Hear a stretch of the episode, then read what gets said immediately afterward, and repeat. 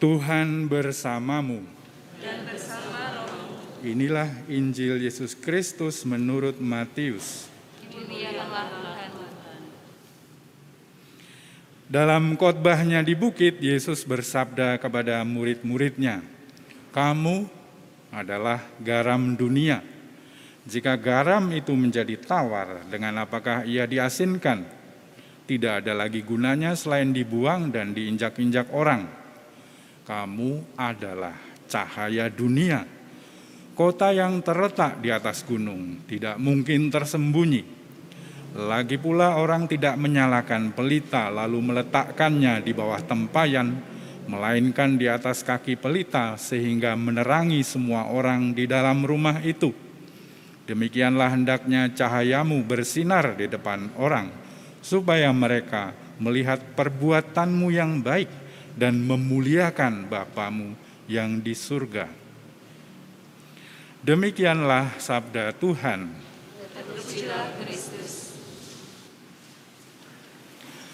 Bapak, Ibu, Saudara-saudari, teman-teman, adik-adik, anak-anak, saya berkali-kali mengatakan saya tidak suka khotbah. Maka hari ini juga saya tidak akan berkhotbah. Saya mengajak Bapak Ibu untuk merenung-renung saja. Seluruh bacaan ini jelas semua. Bacaan pertama jelas. Firman Tuhan, aku menghendaki engkau membagi-bagikan makananmu kepada orang yang lapar dan menerima dalam rumahmu orang-orang miskin yang tak punya rumah. Jelas. Tidak perlu ditafsirkan lagi. Kota baru ada gerakan sekuh mubeng. Sampai pusing betul nasinya diputar-putar ke mana-mana. Dan itu konon sesuai dengan kitab Yesaya ini. Tetapi apakah itu sungguh yang dikendaki Tuhan? Mari kita lihat lagi. Bacaan Injil juga jelas, kamu adalah garam dunia. Dan Yesus agak aneh mengatakan kalau garam menjadi tawar, tidak bisa. Garam tidak bisa tawar. Bagaimana cara menawarkan garam? Ya tinggal tambah air sebanyak mungkin, lalu itu bukan garam lagi. Jelas maksudnya. Tapi kemudian ada yang kedua, kamu adalah terang dunia. Apa bedanya garam dan terang? Atau garam dan lampu katakanlah. Garam mendapatkan rasa asinnya dari mana? Dari struktur molekulnya yang membuat dia sudah asin begitu, dari sononya. Sedangkan terang tidak berasal dari dirinya sendiri. Garam tidak mungkin dicas supaya lebih asin lagi. Tapi lampu butuh sumber yang lain. Dan saya kira dua metafor ini bahwa kita adalah garam dan terang mau mengatakan pokok-pokok itu. Bahwa kita dipanggil untuk menjadi otentik sebagai diri kita sendiri, sebagai garam. Tetapi jangan lupa kita adalah terang, berarti mesti ada sumber yang kita andalkan supaya terang itu bernyala. Baik garam maupun terang tidak ada untuk dirinya sendiri. Saya kira saya bukan tipikal orang Jogja yang suka makanan manis, saya lebih suka rasa gurih atau bahkan asin. Dan dengan demikian, keasinan itu mesti kita hubungkan dengan sumber yang dirujuk oleh kata terang tadi adalah sabda Allah sendiri, adalah Kristus sendiri. Terang juga seperti garam, tidak hadir untuk dirinya sendiri. Saya suka makanan asin bukan berarti saya suka makan garam begitu saja. Tidak ada faedahnya. Kita butuh matahari karena matahari membuat kenyataan terlihat apa adanya. juga lampu. Bukan supaya orang melihat lampunya, supaya barang-barang di sekitarnya menjadi apa adanya, kelihatan, menjadi otentik. Apa jadinya kalau hidup kita tidak otentik? Kembali ke Sego Mubeng. Mumpung tokohnya ada di sini. Kalau Sego Mubeng itu seakan-akan menjadi garam, menjadi terang. Barangkali oke. Okay. Tetapi kalau Sego Mubeng itu diciptakan untuk dirinya sendiri demi mubengnya sego, demi mubengnya nasi bungkus, mungkin kita perlu waspada. Jangan-jangan kita memperlakukan panggilan otentik kita semata-mata pada sesuatu yang bagi dunia tampaknya baik. Ya memang baik, saya mengatakan sego mubeng baik. Tetapi bacaan Injil hari ini sebetulnya mau menggarisbawahi bahwa kalau kita beriman, kita tidak pernah beriman pada dirinya sendiri, untuk diri sendiri, untuk keselamatan sendiri, untuk kejayaan sendiri, dan seterusnya. Untuk agama sendiri, untuk kelompok sendiri, untuk gereja sendiri, dan seterusnya. Tidak ada terang, pelita mesti ditaruh di tempat yang tinggi supaya kelihatan. Di sini dikatakan supaya mereka melihat perbuatanmu yang baik dan memuliakan Bapamu di surga. Jadi supaya kita tidak mencari nama dengan label apa pun.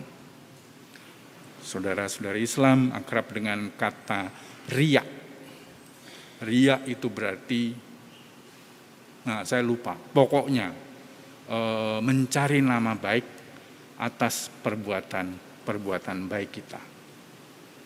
Dan tidak sedikit di antara kita yang kurang menjadi otentik karena terus-menerus mencari diri sendiri, mencari kemuliaan sendiri, mencari kesuksesan sendiri, itu mengapa negara Indonesia sudah 75, 76, 70 tahun merdeka.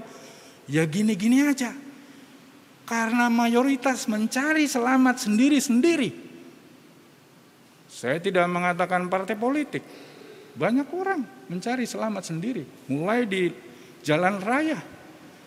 Bahkan mungkin di rumah tangga. Suami istri. Bisa cari selamat sendiri-sendiri dengan tidak menjadi otentik. Pura-pura memuji, tetapi mungkin nyindir. Pura-pura berterima kasih, tetapi sebetulnya mengharapkan tindakan terus-menerus yang menguntungkan dia. Pura-pura memberi tips supaya nanti lain kali mendapat kemudahan, dan seterusnya. Ini mencari keselamatan sendiri yang membuat orang tidak maju-maju. Saya tidak ingin menyindir siapa pun. Ini cerita suami istri yang jarang akur atau malah tidak pernah akur. Sang suami hobinya main judi, mabuk, dan selalu minta dilayani. Sang istri Hobinya ngomel-ngomel karena suaminya menghabiskan duit. Marah-marah dan beri perintah ini, perintah itu. Tidak ada satu hal baik pun dalam diri suami menurut istri dan dalam diri istri menurut suami. Semuanya pantas dicela. Ya untuk apa menikah ya? Masuk nggak ada yang baik sama sekali. Sampai suatu momen si istri sudah jengkel dan lalu mencari cara gimana supaya suaminya ini jantungan ini suaminya ini cepat-cepat stroke serangan jantung lalu nggak usah ditolong dan mati saja. Jahat. Jahat betul. Dan nemu momen ketika pada sebuah pesta di rumah sang istri ini menampilkan diri sebagai sosok yang untuk suaminya menakutkan. Suaminya itu meskipun pemabuk, tapi kalau dengar kata setan, kata Lucifer, itu dia agak takut. Dan sang istri berpakaian setan sangat sempurna, bersembunyi di balik pagar, menunggu suaminya pulang. Dan betul, suaminya pulang ketika mau masuk pagar, sang istri melompat di depan suaminya dengan teriakan yang sangat mengagetkan. Dan sang suami terjerembab ke belakang, terjatuh dan kamu siapa? Dengan suara yang dibuat-buat sang istri memberat-beratkan suaranya. Aku Lucifer. Dan sang suami menatap Lucifer. Lalu dia bangun dan berubah menjadi sangat ramah. Oh, baik. Silakan, mari ke rumah. Karena aku sudah tinggal lama bersama saudari perempuanmu di rumah.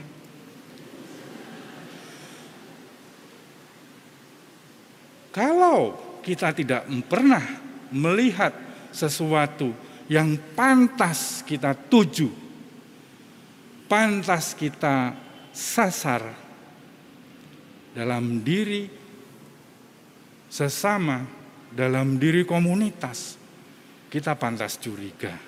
Jangan-jangan kita tidak menampilkan identitas kita yang sebenarnya, anak Allah. Kita adalah anak Allah jangan menampilkan identitas yang lain. Dan kita mohon rahmat Tuhan supaya Kristus itu dengan segala tindak tanduknya kita cari prinsip apa yang dijalankan Kristus untuk membangun kerajaan Allah, itulah yang kita ikuti.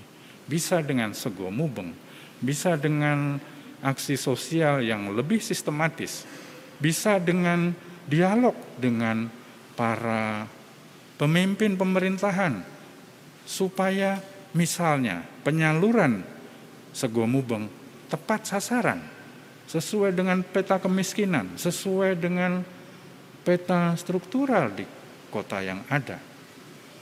Sehingga tindakan baik kita bukan semata-mata untuk mengejar kebaikan privat, tetapi sungguh-sungguh kebaikan bersama. Semoga Tuhan membantu usaha kita. Amin.